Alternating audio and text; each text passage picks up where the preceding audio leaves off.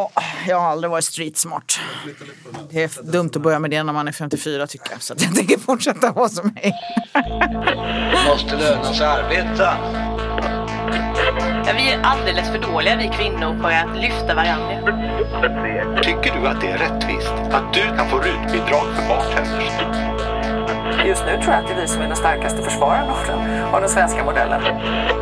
Avundsjukan i det socialdemokratiska idealsamhället är ju större än sexualdriften. Välkomna till Arbetsvärldens podd. Idag spelar vi in onsdag den 28 november 2018. Och eh, med oss som vanligt Britta Lejon, ordförande i facket ST. Hej. Hej. Och eh, vi har en gäst idag, German Bender, som är eh, programchef på tankesmedjan Arena Idé som är en fackligt anknuten men oberoende tankesmedja. Ja. Och vi ska prata med dig om en rapport om skolsegregation som du har skrivit tillsammans med Per Kornhall idag. Ja. Ja, välkommen. Tack. Jag är Mikael Fältbaum som är chefredaktör för Arbetsvärlden och Samuel Engblom är på annat äventyr idag. Som brukar vara med också, samhällspolitiska chefen på TCO. Hörni, skolsegregation i dagens ämne och det pågår ju en debatt om hur segregerat skolsystemet är och på Arena Idé så har ni undersökt hur det faktiskt ser ut ute i mellanstora kommuner. Ja. Och vilka barn som går i vilka skolor och det ska vi få veta lite mer om. Sen ska vi också förstås få en rapport från vår specialredaktion En jobbig värld. Och vi ska avsluta med våra spaningar. Hör ni, kan inte ni säga något om vad ni tänkt spana om på slutet? Jag har tänkt spana om eh, film. Jag hade tänkt säga någonting om krukväxter, men nu blir det om regeringsbildning istället. Jag tänkte prata om eh, framtidens eh, vägar. Jag tänkte be dig bara berätta om eh, den här rapporten som ni har skrivit.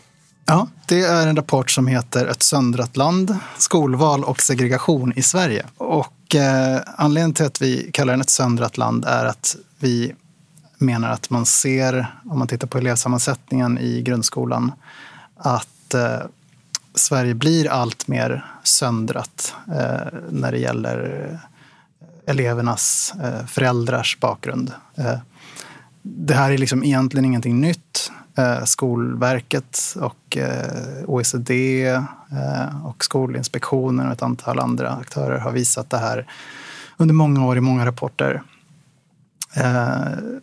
Till exempel efter att friskolereformerna genomfördes i början av 90-talet så gjorde Skolverket en, en granskning av det redan 1993 där de konstaterade att skolsegregation hade blivit en av effekterna av det, de reformerna som man genomförde som väldigt nyligen innan den rapporten kom. Och det var första gången som Skolverket pekade på det. Och skolsegregation är meningen att högutbildade föräldrars barn sökte sig till vissa skolor. Och även invandrarbarn. Och, alltså invandrarbarn med högutbildade föräldrar. Mm.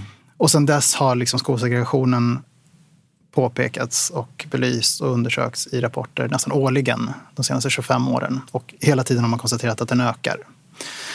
Eh, så det var lite bakgrunden till den här rapporten. Vi ville göra en rapport som handlar om segregationen som sådan. Eh, som inte specifikt kopplar den till eh, eventuella effekter på skolresultaten, vilket har varit mycket diskussioner om i Sverige sedan PISA-chocken vi fick 2013 när våra PISA-resultat hade sjunkit mycket. Utan vi ville bara fokusera på segregationen.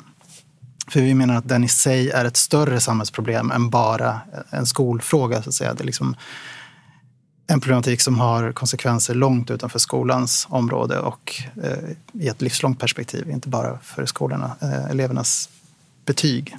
Mm. För eh. ni kollade på segregation på utbildningsnivå och utlandsfödda föräldrar. Ja, det vi gjorde var att vi tittade på alla svenska kommuner som har mellan 50 och 100 000 invånare. Och det är 30 stycken kommuner, råkar det bli precis. Eh, mellanstora kommuner. Eh, eftersom det har pratats om segregation väldigt mycket som ett storstadsfenomen. Vilket det i hög grad också är. Men vi tittar alltså inte på orter som Storstockholm och Malmö och Göteborg och så där, utan det är mellanstora svenska kommuner. Eh, och, Vad ville ni ha ut av just det då? Jo, vi tittade på grundskolor i årskurs 9 eh, och kollade på två faktorer. Ja, men jag tänkte på just att ni valde mellanstora svenska kommuner. Ja, för vi ville se, dels har det gjorts mycket studier på så att säga, nationell nivå och i liksom, eh, storstäderna.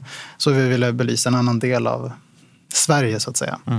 Eh, och vi vill också visa att även i, i kommuner som är mindre men där det finns för jag menar, tar man ännu mindre kommuner då är det ofta så att det inte finns så mycket valmöjligheter. Så skolvalet eh, spelar inte ut sig i den här typen av konsekvenser särskilt mycket. Eh, men vi vill på något sätt eh, ja, belysa en del av segregationen som inte har uppmärksammats så mycket tidigare. Så det vi gjorde var att vi kollade på två faktorer. Eh, föräldrarna till barnen i skolan, vad har de för... Eh, ja, var är de födda? Eh, är de födda i Sverige eller inte? Vad har de för bakgrund då? Och vilken utbildningsnivå har de? Eh, så vi kollade på andelen som är födda utanför Sverige. Eh, alltså andelen elever som har två föräldrar som är födda utanför Sverige och andelen elever som har föräldrar som inte har eftergymnasial utbildning. Och det här är liksom det är standard eh, variabler som man tittar på när det gäller segregation. Det är väldigt vanligt att man studerar just de här faktorerna. Och, så dels är det någonting som Eh, är vedertaget inom forskningen men dels är det också faktorer som eh, är relevanta för elevernas resultat och för ett antal andra utfall, eh, sociala utfall som hälsa, kriminalitet och massa andra saker som vi också tittar på i rapporten. Ehm, och det vi fann då var att av de 30 kommuner som vi studerade så var, i rapporten skrev vi att det var 28 som var segregerade. Men vi har reviderat siffrorna sedan dess med lite nya uppgifter och kom fram till att det är 29 av 30 som är segregerade. Vad är definitionen av segregation enligt er då? Eller Eh, finns det någon vedertagen sån när det gäller skolfrågor? Nej, vi satte en, eh, någon typ av eh, godtycklig sån gräns. Eh, vi, vi skapade ett segregationsindex där vi räknar på eh, Eh, hur en skolas eh, elevsammansättning avviker från kommunens genomsnitt. Så en skola i vår rapport som är segregerad är det i förhållande till andra skolor i den kommunen. Det är inte en nationell ranking, så man skulle inte kunna ta alla de här vi har kollat på, ska se exakt hur många, 356 skolor. Man ska inte kunna ta alla de skolorna och ranka dem i en tabell, utan man får ta det kommun för kommun. Ehm, och det vi gjorde var att vi satte ett index där vi räknade på hur mycket skolan avviker när det gäller de här två faktorerna. Eh, Och om man avvek plus eller minus 20 på det indexet, det är lite tekniskt så vi räknat fram det, då menade vi att skolan är segregerad. Eh, Det innebär att man har en ganska hög andel, eh, men den andelen skiljer sig mellan kommuner hur mycket den ska vara då, så det är svårt att säga exakt. Men en ganska hög andel elever med lågutbildade föräldrar som är födda utomlands. Och vi satte den gränsen ganska högt. Eh, men att 29 och 30 kommuner är segregerade betyder inte nödvändigtvis att de är segregerade på grund av skolvalet. Eh, utan de är, man har segregerade skolor.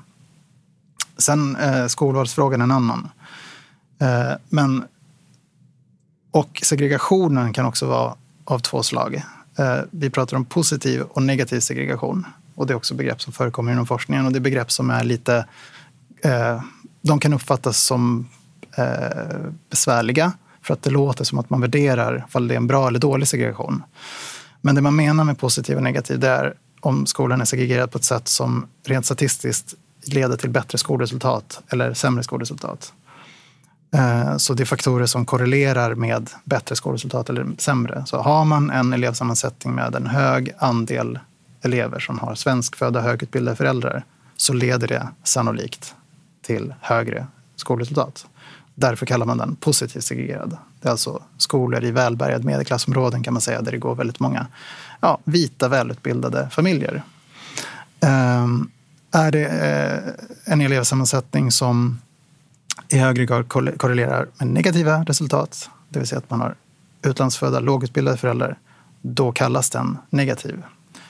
Det betyder inte att det är en sämre eller bättre skola i någon slags moralisk mening. Och det, det är jätteviktigt att påpeka och därför sätter vi hela tiden de här begreppen inom citattecken i, i rapporten. Eller även i en pedagogisk eh, mening. Den kan vara bättre rent Mm. pedagogiskt men den har ett sämre underlag eller ett svårare underlag att jobba med. Ja, exakt, exakt. Det säger ju ingenting om själva skolans utbildningskvalitet eller lärarna eller någonting sånt alls överhuvudtaget. Ehm, men så tillbaka till segregationen. Så 29 av 30 kommuner hade en hög grad av segregation. Positiv eller negativ, eller ofta både och. För de hänger ofta ihop. Det är elever, eh, familjer som så att säga flyr, det kallas white flight, som är en eh, segregationsmekanism som också är välbelagd inom forskningen. Som innebär att välutbildade vita medelklassfamiljer så att säga flyr från områden eller skolor där det går elever eh, med andra etniska och utbildningsmässiga förtecken. Så man väljer bort dem helt enkelt. Och det skapar ju då en dubbelsegregation. En positiv i de skolorna där de här familjerna hamnar och en negativ i skolorna som de lämnar. Eh, Men i 16 av de här 30 kommunerna så finner vi att segregationen i hög grad är orsakad av själva skolvalet. Eh, Så att i de här andra, där kan det också finnas en del som förklaras av skolvalet. Men det förklaras kanske i högre grad av boendesegregationen som är eh, också väldigt viktig förstås. Hur lyckas ni skilja på det? Ja, Ja, precis. det är för att Nu riskerar vi att komma in i liksom här 90 gritty när det gäller Ja. metodfrågor. Det kanske blir, men, Precis. men ändå, jag samma, hade samma fråga i Ja. huvudet. Det har att göra med hur många av skolorna som är segregerade som är, positiv, eh, förlåt, som är positivt segregerade som är friskolor och hur många som är kommunala skolor.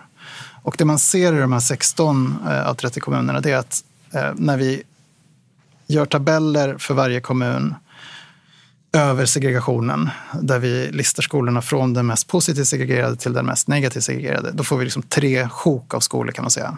Ett sjok eller kluster med skolor som är positivt segregerade, det vill säga där det går svenskfödda välutbildade familjer, om man generaliserar. Ett mellankluster som är ganska osegregerade, det vill säga en ganska eh, låg ja, genomsnittlig elevsammansättning.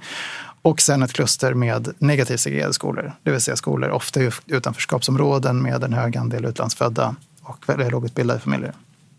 Och det man ser väldigt, väldigt tydligt i de här 16 kommunerna det är att de positivt segregerade skolan, eh, skolorna är friskolor och de negativt segregerade är kommunala skolor. Alltså det är i stort sett uteslutande så med några Okej. små duttar av undantag.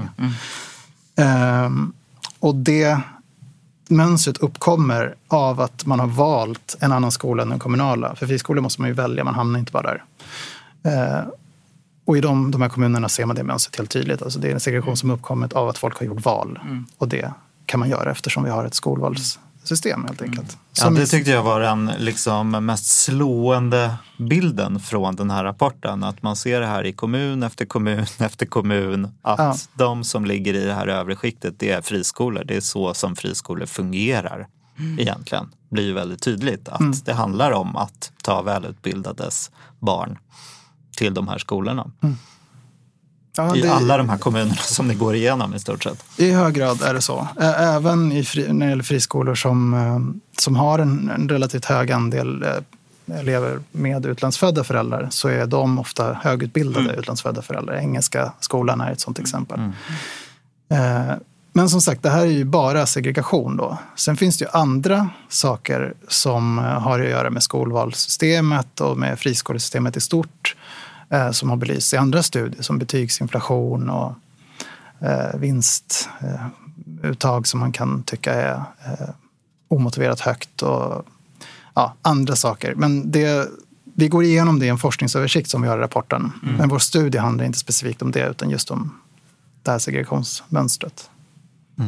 Vad drar ni för slutsatser av det här som ni Ja, alltså vi har ju valt... Eh, vi, vi drar slutsatsen att det här är ett problem.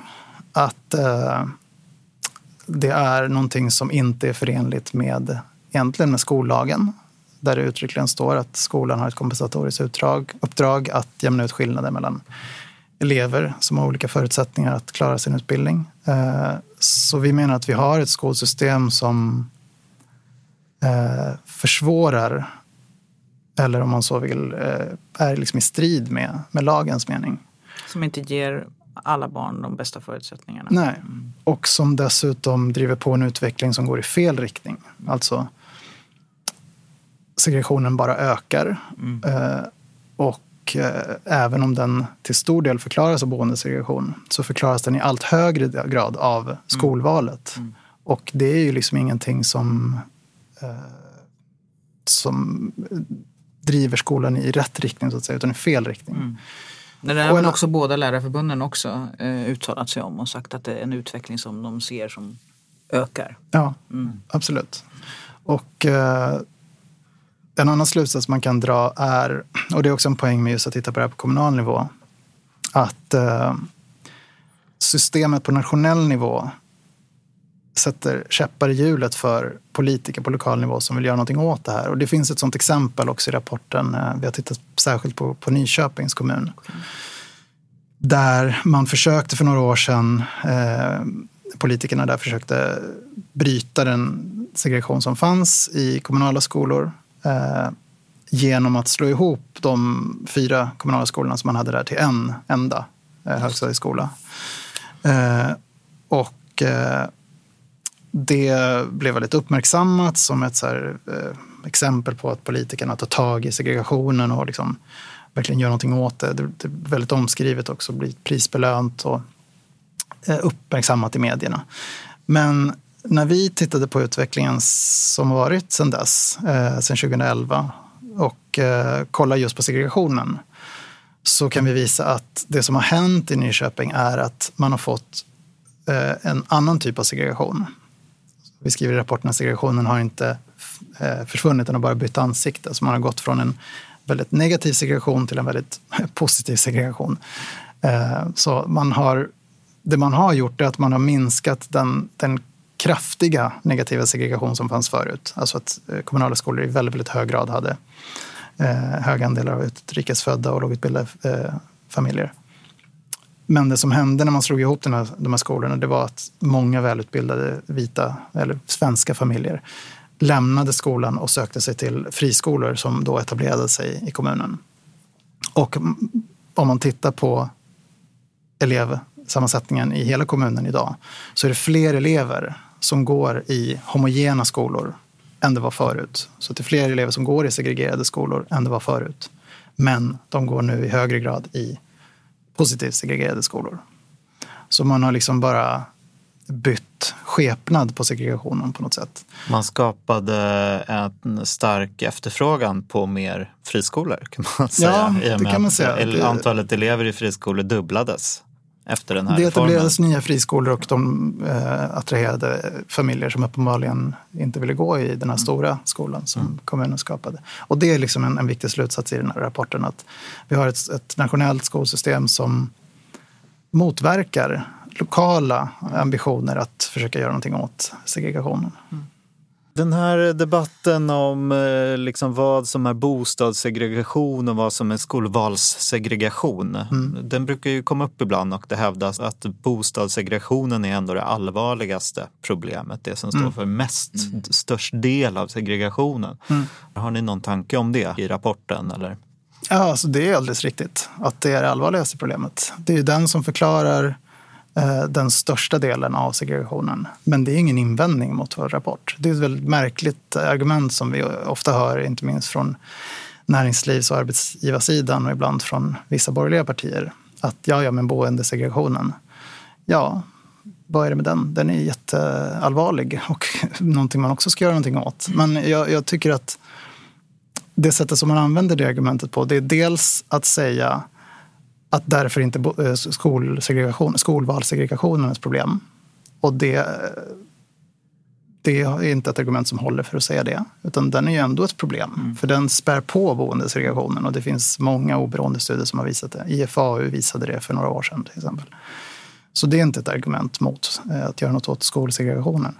Och det används också som ett argument för att mer eller mindre säga ja men så därför gör vi ingenting alls. För boendesegregationen den kan man ju inte göra något åt. Och det köper jag inte heller för den kan man ju visst göra någonting åt. Det kanske tar längre tid. Det är inte på något sätt enkelt. Men det är ju inte ett projekt som man bara ska ge upp. Det finns väldigt mycket eh, debatt och analysarbete som görs eh, i bostadsfrågor som, där vissa, en del av dem handlar om just segregationen. Så det är inte på något sätt eh, en invändning mot att eh, segregationen är något som vi inte ska göra något åt. Ehm, och eh, jag menar, drar man det där i, lite till sin spets så det finns en, eh, en utredare på Lärarförbundet som heter Johan Ernestam som har bloggat om det här. eh, Som jag tycker har en väldigt bra poäng. Han säger att det vi har sett de senaste ungefär 20 åren är att skolvalet har ökat segregationen. Så att den segregationen vi har i skolan kan till större del förklaras idag av skolvalet än för 20 år sedan. IFA visade en studie att ungefär 25, jag tror 16-18 procent, något sånt där, av skolvalssegregation, av, förlåt, av ökningen av skolsegregation sen friskolereformerna som kan förklaras av skolvalet. Och det var en studie som gick fram till början av 2000-talet tror jag. Någonting. Så att idag skulle det nog vara en större andel än det. Så Johan Ernestam skriver, ja men om man inte tycker att det är ett problem, då menar man alltså att den här ökade andelen är någonting positivt. Så mer eller mindre säger man att det är bra om den ökar. För det är en utveckling eh, vi vill se. Och det, det tycker jag i alla fall det inte verkar jag. vara mycket som vi är beredda att offra på valfrihetens altare just nu. Det- Någonstans borde det finnas någon gräns för när man börjar tycka att det blir ett problem för ett land som alltid har betraktat sig som ett kunskapsintensivt land. Ett land som liksom, vi, vår självbild är ju att vi, vi konkurrerar inte med omvärlden med låga löner och med liksom oschysst konkurrens utan genom en hög grad av kunskapsintensiv industri och tjänstenäring. Och om vi inte ser om vårt hus så, jag menar vi vet ju redan att det är väldigt många andra OECD-länder som har en högre andel som är, i befolkningen som är eh, välutbildade än vad Sverige har. Eh, om vi inte ens har en grundmurad eh, kvalitet i vår grundutbildning så är vi ute på en farlig resa tror jag. Ja, precis. Jag har också tänkt det där att eh, förr eller senare måste ju näringslivet reagera på det här.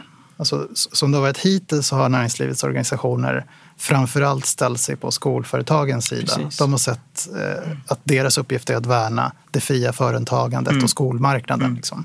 Och det kan man ju, även om jag inte håller med Mm. om det, så kan man ju förstå att de ser en roll i det. Eh, men Men någonstans. i längden så, så borde de ju också inse att det här leder till en sämre, om man ska vara krass, en sämre kompetensförsörjning, en sämre konkurrenskraft. Och eh, frågan är hur länge eh, det så att säga snäva skolmarknadsintresset får eh, dominera där. Precis. Och, eh, Men då är man ju inne på att resultaten måste försämras. Då måste man kunna leda det till försämrade resultat. Då. För annars kan ju näringslivet strunta i exakt vilka som har goda kompetenser så länge folk i allmänhet, så länge snittet är bra så att säga. Ja. Samtidigt så är det ju så att vi ser ju idag eh, enorma eh, problem för både näringsliv och offentlig sektor att rekrytera kompetent personal. Jättestora kompetensbrister. Ja. Och jag ska säga att det, det finns också, det har börjat komma studier som visar att det finns eh, anledning att tro att det, det påverkar resultaten. Att föräldrarnas bakgrund har fått större betydelse än tidigare. Du, det finns ju, ni listar ju fyra punkter som eh, det skolsystem vi har nu bygger på, eller skolvalssystemet. Det är fri etableringsrätt för friskolor, det är skolval med kösystem och skolpeng har vi som tillfaller den skola som eleven väljer och sen så är det vinst, vinsterna. Lärarförbunden har ju lite olika, vill ju dra i alla de där fyra punkterna på olika sätt. Eh, vad har ni för förslag? Ska man skruva på de här fyra punkterna eller vad är viktigast? Ja, alltså vi landar inte i några förslag i rapporten. Eh, Och det är väldigt medvetet därför att vi ville att diskussionen skulle handla om segregationen som sådan och inte om våra förslag. Eh, Sen blev det så att en del av diskussionen ändå handlade om de förslag som andra tillskrev oss, men som vi inte hade lagt. Eh, Och det, så man kan inte styra allt här i livet förstås, men vi ville framförallt att fokusera på det här som jag pratade om nu. Är segregationen, hur ser den ut? Vad förklarar den? Ja, så. Eh, sen nämner vi, ska vi säga, eh, väldigt allmänt att vi tycker att det behövs, eh, vi skriver i vår debattartikel i DN, att det krävs omfattande reformer av friskolesystemets alla fyra delar. Eh, men det är en skrivning som jag skulle tro att Svenskt Näringsliv håller med om. Fast de kanske tycker att det behövs andra typer av reformer än de vi skulle vilja se. Men vi skriver ingenting om vilka reformer vi vill se. Sen kan vi ju såklart prata om det lite grann nu och jag har lite tankar om det. Men Men det var väl huvudanledningen till att vi inte hade ett sånt här typiskt policy eller ja, förslagsavsnitt i rapporten. En annan anledning är också att det finns så otroligt mycket förslag där ute som har lagts av alla möjliga olika aktörer som är mer eller mindre underbyggda. Så liksom, jag tror inte att det finns en brist på idéer om vad man behöver göra. Och jag ser ingen egentlig anledning till att vi skulle göra någon slags översikt av dem och rangordna dem eller liksom välja ut vilka vi tror mest eller minst på. Så det var väl en, en annan anledning. Men, men lite snabbt, om man tittar på de här fyra delarna då, så när det gäller den fria etableringsrätten, för, fris- det där är alltså, de här fyra delarna, det, det är som de fyra bärande komponenterna i friskolesystemet som vi har. Eh, och det är den första då, som du nämnde, fri etableringsrätt för friskolor. Ja, där visar ju vår rapport väldigt tydligt att när friskolor kan etablera sig som de vill i en kommun, oavsett om det leder till ökad segregation, så leder det till ökad segregation. Det är liksom väl belagt. Och det är inte bara i Sverige. Det finns studier om eh, skolvalssystem som liknar vårt i andra länder som har visar exakt samma mekanismer. Så det, är liksom, det här är någonting man kan vänta sig och någonting som vi vet händer. Vad ska man göra åt det då? Ja, det har förts fram vissa tankar om att man skulle införa någon typ av kommunalt veto. Att en kommun skulle kunna säga nej till en friskola på olika grunder. Man skulle kunna tänka sig olika typer av skäl till att säga nej till en friskoleetablering. Men en skulle kunna vara att det leder till ökad socioekonomisk eh, eller etnisk segregation. Jag är inte helt övertygad om den idén därför att jag tror att i kommuner som är styrda av majoriteter som inte vill inskränka skolvalet så kommer man inte göra något åt det då.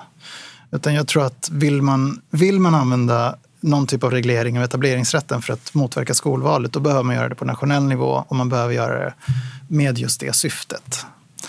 Sen tekniskt hur det skulle gå till, det, det är ju en annan fråga. Men jag tror att etableringsrätten är en väldigt viktig del i det här och en del som är ganska ouppmärksammad när man pratar om skolvalet. Liksom skolvalet förutsätter att det finns skolor att välja och förutom kommunala skolor så är det då friskolor och de har fri etableringsrätt. Så att skolvalet hänger ihop med etableringsrätten. Eh, och det, det är ganska... Det har inte blivit så diskuterat, eh, tycker jag, som skolvalet. Och den andra delen då är skolval. Eh, vi har ett eh, skolvalssystem i Sverige.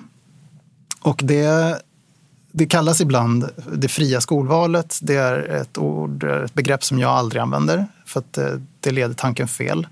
Vi har inte ett fritt skolval, man får inte välja skola fritt. Utan man får, vi har någon typ av fritt skolönskemål kan man säga. Man får liksom önska skolor eh, och sen får man se om man får den skola man har valt eller inte. Det är dessutom ett eh, förfarande som skiljer sig väldigt mycket mellan olika kommuner. Det är liksom kommunalt reglerat där, så att vi har inte ett skolval utan vi har många olika skolvalssystem. Som dessutom inte är fritt, som sagt. Dels för att det inte är ett val som man får, men också för att det är reglerat. Och det vi menar är att det behöver regleras om, helt enkelt. Man kan fortfarande ha ett skolvalssystem, men med andra urvalskriterier.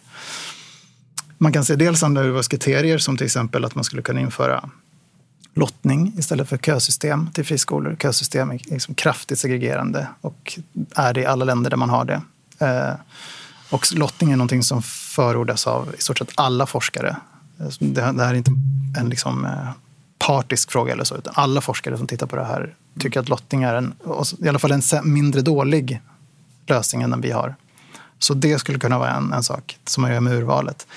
En annan sak är det man kallar kontrollerat skolval som innebär att man väger in aspekter i skolvalet som ger ett annat utfall. De aspekterna kan vara olika. I vårt fall skulle vi förorda saker som leder till mindre segregation. Man skulle kunna ha ett kontrollerat skolval som leder till mer segregation om det är ett önskemål man har. Eller som leder till någonting annat. Men poängen är att om man tänker sig en svart låda där man lägger in en ansökan om skola och så trillar det ut den skola man får. Så det händer någonting i den svarta lådan. Och det handlar kontrollerat skolval om, att skruva på det som händer där inne. Det finns också en del forskning om det. Eh, Det finns en del svensk, ganska ny forskning om hur man kan med, det kallas mjuka kvoter och lite annat, eh, förändra elevsammansättningen genom att, så att säga, skruva på skolvalet. Men det, ja, jag, tror att det är kanske en mer framkomlig väg när det gäller skolvalet. Så att man inte får den här diskussionen om att fritt, fritt skolval eller avskaffat skolval. Utan det finns liksom massa lösningar däremellan. Och det vi har nu är inte ett fritt skolval, utan det, det är en skolvalsmodell. Och precis som vi har en modell skulle man kunna ha en annorlunda modell som ger ett annat resultat. Som jag tror att väldigt många människor i Sverige skulle föredra. Alltså jag tror att det är ganska få som vill ha en kraftigt segregerande skola. Och många glömmer när man tänker att ja, men jag vill inte att mina barn ska gå i den här skolan för att den är så problematisk av olika skäl. Eller det eleverna som går där är så jobbiga eller vad, man nu, vad det nu är som driver den här segregationen. Så glömmer många att de själva kanske kommer från familjer som en gång i tiden sågs som problematiska av andra. Jag menar, man kanske kommer från en arbetarklassfamilj till exempel som sökte sig till en skola där det gick mer välutbildade familjer. Och de familjerna kanske tyckte att de här arbetarbarnen som kom hit vill vi inte ha med att göra. Liksom. Mm. Men vi hade en skola då som inte segregerade. Mm. Idag är det samma sak. Den, är mer, den sociala skiktningen är mer etnifierad mm. så det syns mer vilka mm. de är. Så att säga.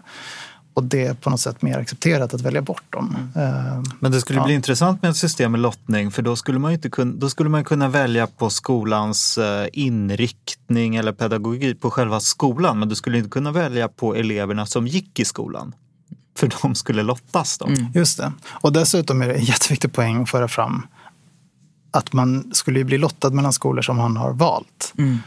I debatten. Så det här är ett förslag som Skolkommissionen la som mm. var liksom sammansatt av olika parter. Liksom mm. Båda lärarförbunden var involverade, flera mm. partier och andra näringsliv var involverade. Och det var liksom en, en bred, brett sammansatt kommission. Och som sagt, eh, massa forskare, 20 forskare tror jag skrev en debattartikel på en debatt om lottning där de förordade det.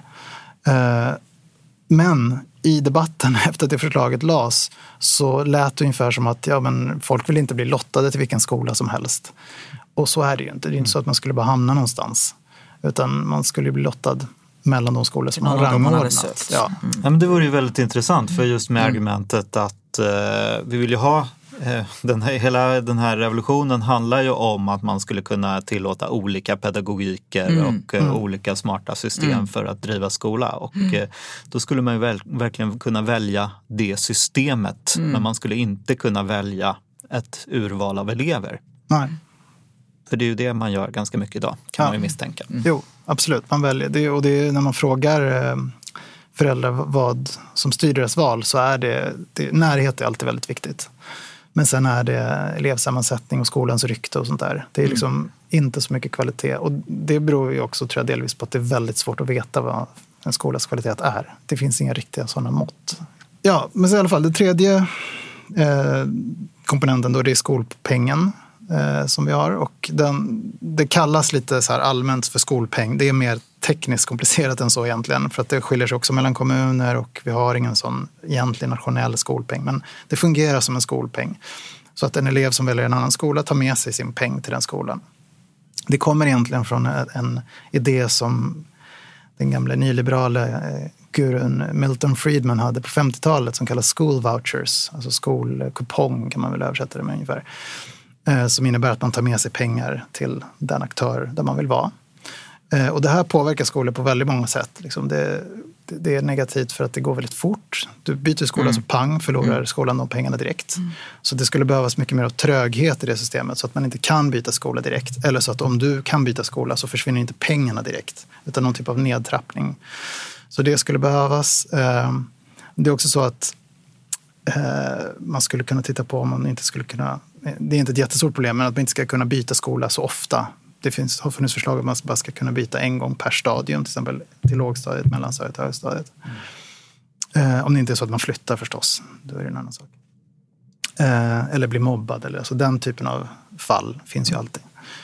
En annan sak är att, och det har Lärarförbundet eh, skrivit mycket om, att skolpengen är väldigt, väldigt eh, den gynnar eh, skolor som har stora klasser och som vill ta ut vinst från skolan. För att man har en väldigt fa ganska fast kostnad för en skolklass. Mm. Men får man några elever till så ökar inte den fasta kostnaden så mycket och marginalkostnaden ökar väldigt lite. Men du får lika mycket skolpeng mm. för de sista tre, fyra eleverna i en klass. Mm. Så de eleverna blir nästan ren vinst. Mm. Och det ser man väldigt tydligt i många vinstdrivande friskolor att de har stora klasser. Mm. Eh, så Lärarförbundet har föreslagit någon typ av eh, schablon med en marginalkostnad som man lägger på. Eh, och det, det är en intressant modell. Som det känns på något sätt Om man ju skulle göra det på exakt det sättet eller inte vet jag inte. Men det känns som en väldigt, väldigt uppenbar brist i vårt system som det är jättekonstigt att man inte vill göra något åt. Även borgerliga partier borde ju se att det är ett jättetydligt sätt att slösa med skattemedel. Varför gör vi så? Liksom? Det finns ingen som helst anledning till det. Kostnadsbilden ser inte ut så. Varför ska fördelningen ser ut på det sättet? Eh, och sen den fjärde då, möjligheten till obegränsat vinstuttag för friskol, eh, aktiebolagsskolor. Ja, det är ju en politiskt svår fråga. Det är ett förslag om, om att begränsa vinstuttaget har ju fallit i riksdagen. Men även på den borgerliga sidan finns det röster för det. Det finns en, en före detta riksdagsledamot i Moderaterna som heter Ann-Marie Paulsson som är docent i nationalekonomi vid Lunds universitet. Hon har skrivit väldigt mycket om varför just aktiebolagskonstruktionen är skadlig i skolsektorn.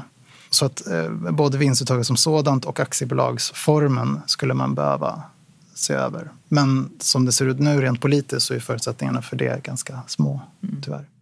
Men om man gjorde det, vad skulle vi se hända då? Då skulle ju kanske 95 procent av friskolorna klappa igen förmodligen. Eller? Det får så stora effekter. Jag vet inte. Ja, de Alltså, flesta, eh, de som har de stora skolorna i friskolesektorn är ju de här stora koncernerna Mm, tänker mm, jag. Och de skulle väl inte vara intresserade. Om det inte har samma marginaler. Mm. Men dels, Eller? där, Ja, finns det, ju, där finns ju exempel i andra länder. På många, det finns ju väldigt många friskolor som inte är vinstdrivande som företag som, som våra är.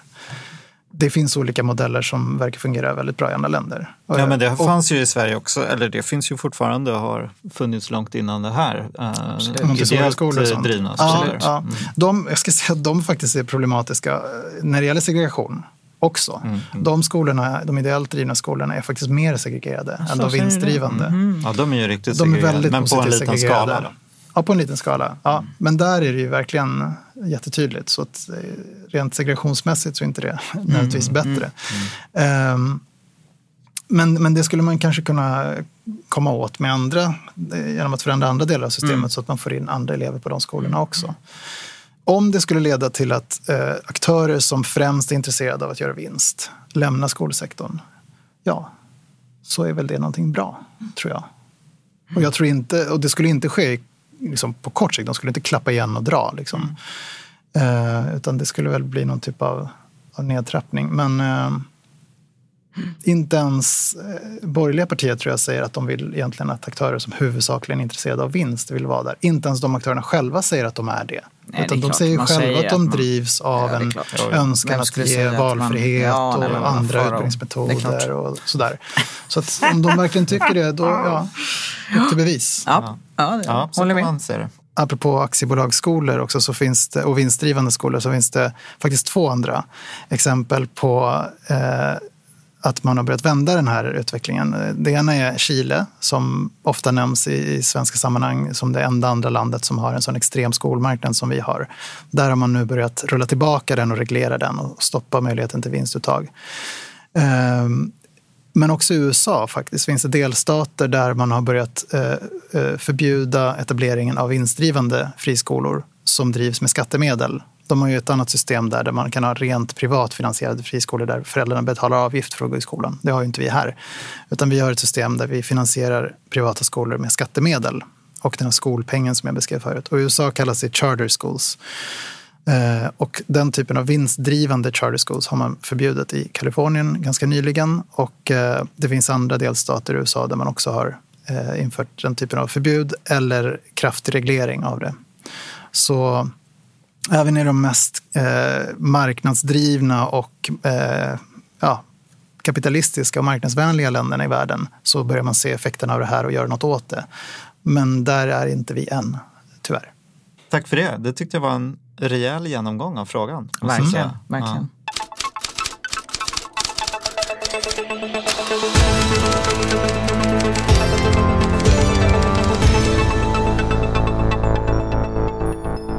Det råder förstämning i Stora Lundby efter beskedet att ortens största arbetsgivare lägger ner verksamheten. En oviss framtid väntar nu de influencers och deras familjer som bott i det lilla samhället i generationer. Känslan för olika Instagram-filter är ett hantverk som gått i arv från far till son, från mor till dotter och inget som man lär sig i skolan. Det brukar sägas här i Stora Lundby att det finns två karriärvägar att välja. Hockeyn eller influencer, säger micro-influencern Anders Glad som ännu inte har bestämt sig för hur han kommer gå vidare i livet. Hör ni, eh, är ni överhuvudtaget en panel att prata influencer marketing med? är det någon nej. av er som Jag följer inte var- någon jag influencer i förstår sociala inte varför, medier? Jag förstår inte varför du kommer med detta påhopp. Men tyvärr är det kanske korrekt. Misstänker, I alla fall i mitt fall. Jag är, eh, nej, det gör jag väl inte. Tyvärr. Gör du det Herman? Jag följer influencers. Ja, jag vet inte. Ni men är väl kanske- influencers i någon mening? Ja, Nej, men man kanske följer något Instagramkonto Ja. eller så som är lite mer öppet, officiellt. Nej, det gör, jag, det gör jag inte. Det ska jag erkänna faktiskt. Men jag tycker att eh, en intressant eh, grej med den här, eh, den här satiren är att den på något sätt den använder liksom en så här traditionell form av hur man skildrar företagsnedläggningar eh, i en bygd. Man står på en parkering och Exakt. pratar med folk som har förlorat En jobbet. oviss framtid och så här. Men den tillämpar den på en så här ny sektor.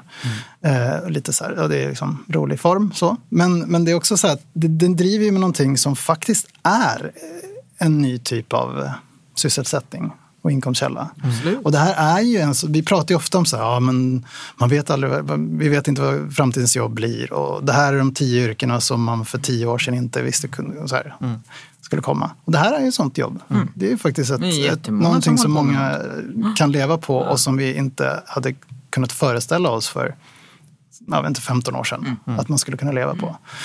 Så i någon mening är ju, så man kan ju driva med influencers, men det är ju något som folk ägnar sig åt. Och det finns massa andra exempel på jobb som folk har idag som kanske låter lite konstiga fortfarande för sådana som oss som är lite gamla. De sitter och spelar spel på, på nätet och liksom gör det på ett fantastiskt duktigt sätt och Ja. följs av hundratusentals och människor som är beredda att köpa deras gamla avlagda t-shirts för miljonbelopp bara för att komma nära sina spelfan. Men liksom kommer den idoler. här, den här är ju en bransch som alla andra. Någon gång kommer ju eh, även den här att eh, klappa igen och man kommer att hitta på ett ännu smartare sätt att göra marknadsföring. Så det är väl också en bild av att så här, ja, även branscher som vi ser är på uppgång kanske idag. En dag kommer teknikutvecklingen att ha sprungit ifrån dem. Ja. Även dem. Det, det roliga är att, det, roliga är att det här med algoritminfluencers, det, det kan man ju mycket väl tänka sig kommer komma. Det kanske redan finns sådana. Men det finns Alltså ju också... hela Facebook är väl en stor algoritm som ska micro, micromarketing. Det, det, det jag tycker är lite nytt här det är ändå att det är en massa unga människor som inte behöver liksom ha, som kommer med något nytt och som följs av andra unga människor. Den, den biten tror jag, är, oavsett vilken teknisk plattform, oavsett på vilket sätt man gör saker, tror jag, den, det är ju någonting Det med relationsbyggande och Ja, det är någonting nytt som, som jag, jag menar, jag menar när radion kom, när tvn kom, nya tekniska medier. Det var, men det, var, det krävdes en väldigt stor apparat för att kunna ändå sända något tv-program, producera något tv-program eller radioprogram. Nu kan vem som helst ha en podd, vem som helst kan ha en blogg. Det är någonting nytt i det. Det tror jag oavsett teknisk förutsättning på något sätt finns kvar. Hoppas jag. Ja, men det, det är så nya jobb försvinner och skapas helt enkelt. De kanske skulle behöva någon typ av kompetensutveckling för att gå vidare till något annat. TCO. TCO, Vi håller devisen. TCO-fanan högt. Exakt. Vi går över till våra spaningar. Eh, Vem vill börja? Börja du Skärman, för Vad du hade har, du för något? du har ju sett en rolig Ja, men film. film var Ja, det. just det, film. Eh, Generellt eller någon speciell film? Ja, det är en speciell film. Det är Ah. en film som heter Sorry to bother you. Mhm. Som går på bio nu. Ehm, det är en amerikansk indiefilm kan man väl säga. Så här, ganska låg budget och väldigt kreddig, eh, hipp film. eh, som har blivit jättehypad i USA. Så här, det senaste årets eh, mest hypade film kanske man kan säga. Eh, som är gjord av en kille som heter Boots Riley. Som är en så här, cool medieentreprenör som har gjort massa, han är musiker och gjort videor och allt möjligt tidigare. Det här är hans första film. Men det som är lite kul med den och som jag tycker att ingen verkar riktigt ha uppmärksammat det är att jag skulle säga att det är kanske de senaste årens bästa fackliga reklamfilm. I just really need a job. What are you on to? This is telemarketing. Stick to the script. Hey, Hello, um, Mr. Davison. Cassius Green here. Sorry to bother. Let me give you a tip. You want to make some money here? Use your white voice. My white voice. I'm not talking about Will Smith's wife, like this young blood. Hey, Mr. Kramer. This is Langston from Regal View. Den handlar om en kille som börjar på ett telemarketingföretag och eh, blir väldigt duktig på det snabbt och eh, stiger i ranken där och liksom börjar få bättre uppdrag.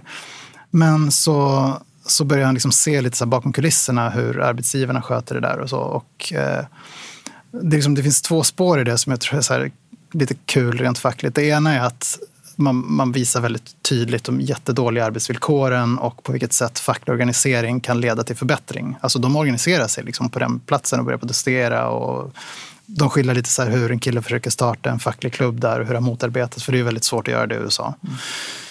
Mm. Um, så dels det. Men sen dels också att bakom kulisserna så har det här företaget en längre plan och det är att på sikt ersätta alla de här telemarketingmänniskorna med någon typ av, jag ska inte avslöja för mycket nu, mm. men de har en plan som liknar lite grann det här vi pratar om med algoritmer och robotar och sånt där. Eh, och att göra arbetare eller liksom människors arbete överflödigt på sikt, vilket också är en väldigt viktig facklig fråga idag. Mm. Eh, och det är liksom två saker som jag tror att facken kämpar ganska mycket med att prata om på ett sätt som folk inte tycker låter jättetråkigt. Mm. Och det lyckas den här filmen med på ett mm. väldigt bra sätt. Okay, och på, och liksom dessutom på ett väldigt kreddigt och så här coolt sätt ah. som eh, tror facken skulle kunna lära sig en del av. Ah. Det låter jättebra. Tack Men den är också tipset. väldigt galen och knäpp ska jag säga. Okay, så okay. det, det, går inte att direkt tillämpa på facklig verksamhet i Sverige skulle jag säga. Men kul att se en sån film komma från USA faktiskt. Ja. Mm. Eh, nej men jag var på ESO, det Just är det. ju expertgruppen för eh, studier, offentlig och ekonomi. Studier, mm. studier offentlig ekonomi mm. igår och de hade ett jätteseminarium om klimatfrågan. Uh, så jag tyckte det var lite kul att uh, gå dit och höra hur snacket går liksom i, i regeringskanslikretsar. Vad är det som är hett och vad behöver göras och hur ska det styras och sådär. Och det var ganska Eh, vad ska man säga? Det var ju en mix av det mer teknokratiska, ekonomistiska perspektivet. Vi ska fokusera på att eh, koldioxidpriset ska öka liksom. Och en mer sådär pragmatisk och praktiskt och politiskt gångbart perspektiv att ja, men det kanske behövs lite förbud och det kanske behövs lite lagar om iblandning av olika typer av biobränslen och fördelningsfrågan kommer upp naturligtvis. Frankrike, demonstrationerna mot skattehöjning på bensin nu som har urartat och i ljuset av det pratade om att det här är en fördelningsfråga och mm. att man måste vrida på olika kranar för att få till att vi ska gå över till fossilfritt samhälle. Men eh, en liten spaning som var otroligt konkret och som det lät att så här, det här kommer om några år egentligen. Det var ju VTI, alltså Statens väg och trafikforskningsinstitut. Deras forskningsdirektör var där och pratade om eh, elvägar, eller vad man ska kalla det. Det vill säga att man lägger ner spår i vägarna och på det sättet eh, kan elektrifiera fordonen som åker där. Och det skulle ju leda till att man behöver mycket mindre batterier i mm. de elbilar som ju kommer ta över transportsektorn. För det är ju ett, det stora problemet med de där elbilarna är väl egentligen de här enorma mängderna metaller som man behöver utvinna för att fixa de här batterierna. Eh, och eh, det lät på henne som att eh, det här var liksom vägen framåt, att vi kommer få de här skenorna i, ja men hon tog som ett exempel att det skulle gå att göra på Europavägarna 20 000 mm. kilometer om jag kommer ihåg rätt i Sverige. För hon beräknade kostnaden till mellan 150 och 200 miljarder. Mm. Billigare än snabbtågen tänkte jag då. Och det som det skulle krävas att driva det här var 25 terawattimmar per år om jag förstod det rätt. Ungefär lika mycket som Sverige exporterar i el idag då, utomlands. Mm. Så det, jag tyckte det, jag blev övertygad om mm. att detta var framtiden. Det kanske kommer visar sig vara helt fel. Kommer men... man kunna köra förelösa bilar på de skenorna undrar man direkt. Ja. kommer man säkert kunna. Det känns som att det är uppenbart. Men, men de ska ju prova. Jag vet inte hur mycket hon Det finns ju en testbana vid Arlanda tydligen. Ja, mm. det finns väl, jag tror Trafikverket har lite fler barn. Mm. Tydligen handlar det mycket, i Sverige handlar det mycket om att det snöar på vägarna och hur löser man det? Men det verkar gå Inte så länge till Nej, om vi fortsätter i den här riktningen. Nej, om inget Ja. händer så är det borta. Och sen alla våra kärlskott på vintern. Ja, det är också, måste också vara en fråga. Det låter lite som något Elon Musk skulle komma på. Det låter så storslaget på något sätt. Ja, precis. nej, men det här hon är ju- att det när vi- alltså hon, ja, hon som nämnde ju att hon trodde inte att Sverige skulle bli först för att behoven var ju kanske större i Kina där man, alltså nu, det pratas ju också, laddstolpar är ju en alternativ idé där man ska stanna och ladda Mm. sitt batteri då. Eh, Men hon pratar om att i Kina så är inte det ett alternativ för där finns inte plats för några laddstolpar. Därför att det är så trångt på ett annat sätt liksom, än vad det är i Sverige. Vi, att vi har så där stora avstånd och relativt liten där. befolkning så Ja. att vi kommer nog inte ligga först. Nej men det här var ju verkligen, när, vi- när mitt förbund när vi eh, i vårt remissvar sa att vi var för höghastighetsjärnvägarna och med det, den högsta hastigheten, inte den här B-varianten för Mm. liksom, av flera skäl, så var ju det här, den här, liksom, den här teknikutvecklingen och det här att det här kommer komma, en av de här stora funderingarna vi hade. Mm. Ska vi verkligen som nation satsa så mycket på höghastighetsjärnvägar när vi inte vet hur länge den tekniken är den liksom bästa? När vi vet att det där kanske, kanske snart inte bara är idéer på ett ritbord utan kanske faktiskt snart kommer kunna finnas i verkligheten. Just Ja, det. så det, Men ni det är ju svårt att det var det värt att satsa på de Ja men därför att den finns nu, den tekniken. Och vi har ju som nation ett jättebekymmer att vi har liksom en sorts, vi har, vi har ett spår där både gods och persontransporter måste samsas och det är ett jättestort mm, problem i, för, för liksom tillväxten i Sverige och för, för näringslivet och också för tillförlitligheten i persontransporterna. Så vi behöver ha två, två, vi behöver ha två separata spår. Ja, får vi, Vi hoppas på och tror på detta. Ja, Ja. Mm. Blir det någon regering? Ja, säger jag. Det blir en regering före jul. Det är min, eh, min övertygelse och förhoppning. Eh, och varför det då? Ja, eh, det första och viktigaste skälet är att nästan ingen av partierna har någonting att vinna på ett extraval. De har eh, ansträngda ekonomier eh, och siffrorna ser inte så bra ut för flera av dem. Så där, så att det andra, och det andra argumentet är att det skulle inte ändra på någonting. Ett extraval om, om tre månader skulle liksom inte... Jag menar, vi, så här ser det nya politiska landskapet ut. Face it liksom. Och det tredje argumentet är att Sverige behöver en regering, det var det jag tänkte säga också. Nämligen, även om Sverige fungerar tack vare en välfungerande statlig förvaltning och eh, kommuner och andra som institutioner som gör sitt jobb så, så är det ändå så att priset för att leva utan en regering blir högre ju längre tiden går. Och Sverige behöver en regering om inte vi ska straffas ekonomiskt av omvärlden i allt högre grad. Men, eh, ja men hur det går, alltså vi fick ju igår då Lövs ultimatum och de var ju det var ju stora puckar, så är det ju. Men det är väl klokt av henne. Jag skulle ha gjort likadant i hennes situation. Eh, hon vet ju att hon sitter på nyckeln till regeringsbildningen. Och om man pratar om den svåraste pucken så är väl det arbetsrätten och förändringar i den. Liksom. En mer liberal arbetsrätt. Och den vet jag inte hur, hur S klarar av att förhålla sig till. Men jag tror ju att man kan vara beredd att diskutera bitar i det. Även om jag tror att det också är den svåraste. Sen var ju hennes andra krav, det var ju liksom en, en skatteförändring eh, med lägre skatter på arbete. Det tror jag är mycket mer lättsmält för, för S. Det tror jag definitivt att man kan diskutera. Och den tredje stora pucken var ju det här med hyresregleringen. Att liberalisera, alltså släppa marknadshyrorna fria antar jag att de vill på något sätt. Och det är ju inte heller någon enkel puck för S, har inte historiskt varit i alla fall. Samtidigt så ser vi ju hur bostadsmarknaden ser ut, att det är gigantiska bekymmer i Sverige som vi behöver göra någonting åt. Så att kanske något större eh, angreppssätt kring hela bostadssektorn eh, och bostadspolitik så kunde det kunna vara med som en bit i något större paket kanske. Och vem kommer bilda regering? Ja, men ja, det blir Stefan Löfven, det tror jag.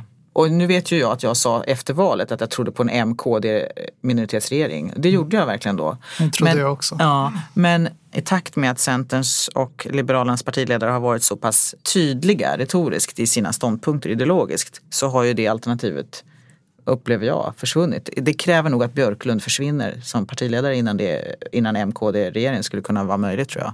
Och det kan väl i och för sig hända. Jag vet inte vad som händer internt i L. Men, men eh, så länge han och Annie Lööf finns på sina poster så tror jag ju att det alternativet med en MKD-regering ser ut att vara längre bort än vad det såg ut vid valet. Så i dagsläget så är det nog så att jag, jag tror att det blir Löfven. Och sen är frågan om han blir en minoritets regering med något budgetsamarbetesstöd i, etablerat i riksdagen eller om det blir en regering som är större. Eh, Men eh, vi får se. Eh, Jag ska inte kommentera det, men jag tänker bara en aspekt på det du pratade om när det gäller arbetsrätten och arbetsmarknaden i stort. Så tycker jag att det, det finns en sak som man verkar glömma i, i den politiska kontexten och det är att vi har ju en partsmodell som i hög grad bygger på ett oberoende partssystem som är liksom fredat från politiken, så att säga. Även om politiken såklart sätter ramar och har stor betydelse och så. Och när man börjar göra de frågorna till förhandlingsfrågor i ett regeringsspel, regeringsbildning, då på något sätt lämnar man ju Absolut, den men tyvärr är det ju- grundprincipen. Och, frågan är hur, hur det kommer att... Jag bara tänker som en liten spaning så här framåt. Mm. Om, man, om man skapar en regering som delvis bygger på att man har förhandlat om arbetsrättsliga frågor eller arbetsmarknadsfrågor. Hur kommer man att kunna fortsätta prata om den svenska modellen Nej, men det kommer man inte kunna göra. som förut? Och det är ju ett av bekymren med alla dessa politiska utspel som har varit hela valrörelsen och lång tid innan valrörelsen. Där olika partier har lagt sig, vi har pratat om det förut i den här podden, lönebildningen och andra, andra frågor som parterna har ansvar för. Det är jättebekymmer. Jag hoppas ju inte att man kommer att göra det. Jag tror att det finns fallback positions där för, båda, för både Centern och Liberalerna och S som handlar om eh, samma område men inte det som specifikt parterna ansvarar för och som inte specifikt enbart handlar om arbetsrätten men ändå om arbetsmarknaden. Jag hoppas att man inte ger sig in på det men jag tror att det finns andra saker där man skulle kunna göra som ändå kan vara i linje med vad Centern och Liberalerna vill. Vad är de sakerna då? Vad ser du? Tyvärr är det ju sånt som handlar om eh, de verksamheter där mina medlemmar finns. Hur då? då? Ett, en förändrad myndighetsstruktur på det här området till exempel. Arbetsförmedlingen. Till exempel. Man har ju pratat om turordningsreglerna också. Därför har det funnits fackliga öppningar tidigare. Man har tänkt att man skulle kunna förhandla om det i utbyte mot mer satsningar på kompetensutveckling till exempel. Men, men det har ju då varit en partsfråga. Ja. Och om man nu gör någon typ av sån regeringsförhandling, Mm. bara skjuter från höften här, säger men liksom att Socialdemokraterna går med på att man luckrar upp turordningsreglerna mot att Centern går med på att man satsar mer pengar på jag vet inte, yrkeshögskola eller studiemedel för äldre eller något sånt där. Då har man ju liksom gjort det till en politisk fråga Absolut. på ett sätt. Alltså man har gjort en fråga som facken direkt har förhandlat Mm, om tidigare till, en, till en regeringsbildningsfråga på något sätt. Det, Men det går att göra Ja. andra grejer som mer handlar om, tror jag. Alltså, det beror ju på hur hårt det där sitter inne hos Centern. Men, eh, men jag tycker att det borde gå att diskutera andra saker där. Bra, fick vi lite, det var, kändes som en liten eh, lite Optimist. spännande nyheter i podden. Ja, men att du tänker till kring hur sossarna kan tänkas agera Alltså, ja. och Nej, jag- eh, nu- hur man jag kan lösa ingen- den här frågan. Jag har tycker- ingen inside information, detta är bara nej, mina nej, men det är egna ändå funderingar. kvalificerade liksom, Ja, det vet jag inte. tankar om hur Det är man väl, kan man säga så här, det är en förhoppning om att vi har en regering före jul, för vi behöver en regering före jul. Så. Bra, hörni. Eh, tack för idag. Stort tack German för att du kom hit. Själv. Och Britta som alltid. Och eh, man ska prenumerera på oss i sin poddspelare förstås, så man inte missar några avsnitt. Man ska kommentera vad vi säger och vad man vill att vi ska säga, prata om på Facebook och Twitter på Arbetsvärlden och även på sajten på Arbetsvärlden. Och eh, vi kan väl passa på att tacka Anders Ljung också som eh, klipper podden och som faktiskt är här idag i egen hög person. Absolut. Eh, bra, då hörs vi igen om två veckor. Tack för idag. Tack.